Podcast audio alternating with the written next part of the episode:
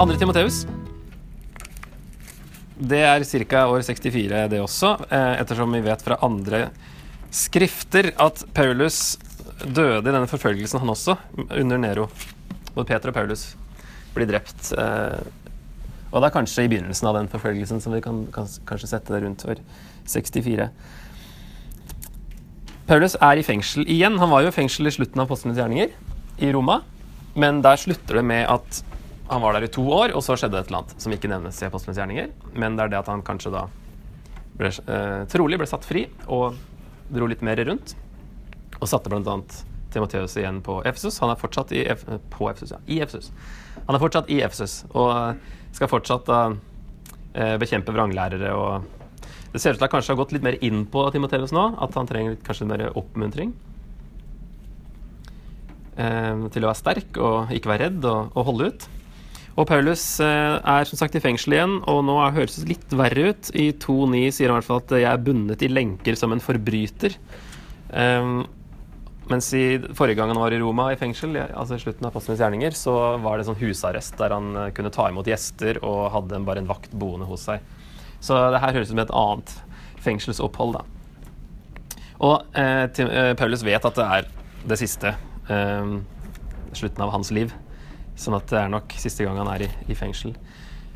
Så det er hans siste instruksjoner til Timoteus om å fortsette arbeidet og bekjempe vranglære. Og han, eh, et kjent vers da er 2.2, at han ber Timoteus vokte sannheten og formidle den videre til pålitelige mennesker som er i stand til å undervise andre, sier han. Det du har hørt av meg i mange vitners nærvær, skal du gi videre til pålitelige mennesker som er i stand til å undervise andre. At, at det alltid blir gitt til nye generasjoner. Og fire, seks til åtte, så ser vi at det er, eller Paulus er i hvert fall klar på at nå er det slutt. For nå blir jeg ofret, og tiden er inne da jeg skal bryte opp. I vers seks.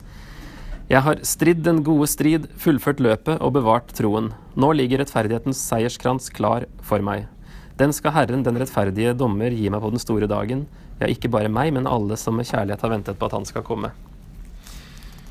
Så stafettpinnen, fakkelen her, gis videre til Timoteus, en av de som kjente Paulus best. Han eh, var med på eh, møtte han jo på andre misjonsreisen, og han ble med videre på det, hele den, og var med på hele tredje misjonsreisen. Og var med og skrev mange brev sammen med Paulus. Og eh, får på en måte et litt spesielt oppdrag videre. Um, og det, er liksom, det slutter litt trist, da, syns jeg, for Paulus eh, i andre Timoteus her. Han sier i 1.15.: Du kjenner til at alle i Asia har vendt seg fra meg, også Fygelos og Hermogenes. Um, at alle har vendt seg fra han, kanskje fordi han var i fengsel så mye at uh, folk ikke ville så lett uh, assosieres med Paulus. Uh, og i, helt på slutten i 4.13 sier han til Timoteus når du kommer, må du ta med deg kappen som jeg lot bli igjen i Troas hos Karpos, og bøkene framfor alt pergamentrullene. Og så sier han i vers 21 skynd deg å komme før vinteren. Så liksom fort jeg kom før vinteren, og husk på den kappa mi, for ellers så kommer jeg til å fryse og det blir kaldt. Og liksom, Stakkars fyr, det er jo ingen igjen. Han sier jo alle har dratt eh, Vers 9, 4-9. Kom til meg så fort du kan, for Demas forlot meg fordi han fikk den nåværende verden kjær. Han har dratt til Tessalonika, Kreskens til Galatia og Titus til Dalmatia. Bare Lukas er hos meg. Ta Markus med deg når du kommer, han er til stor hjelp for meg i tjenesten. Tykikos har jeg sendt til Efesos. Så det er, bare Lukas som er der. Alle andre er dratt. Mange har vendt seg fra han, og han er redd for å fryse til vinteren. Stakkars fyr, liksom. Etter den karrieren si, som uh, hedningenes apostel, så sitter han uh, litt sånn ydmykende slutt. Som ikke bør være så overraskende, for så vidt, for uh, vi som følger Jesus.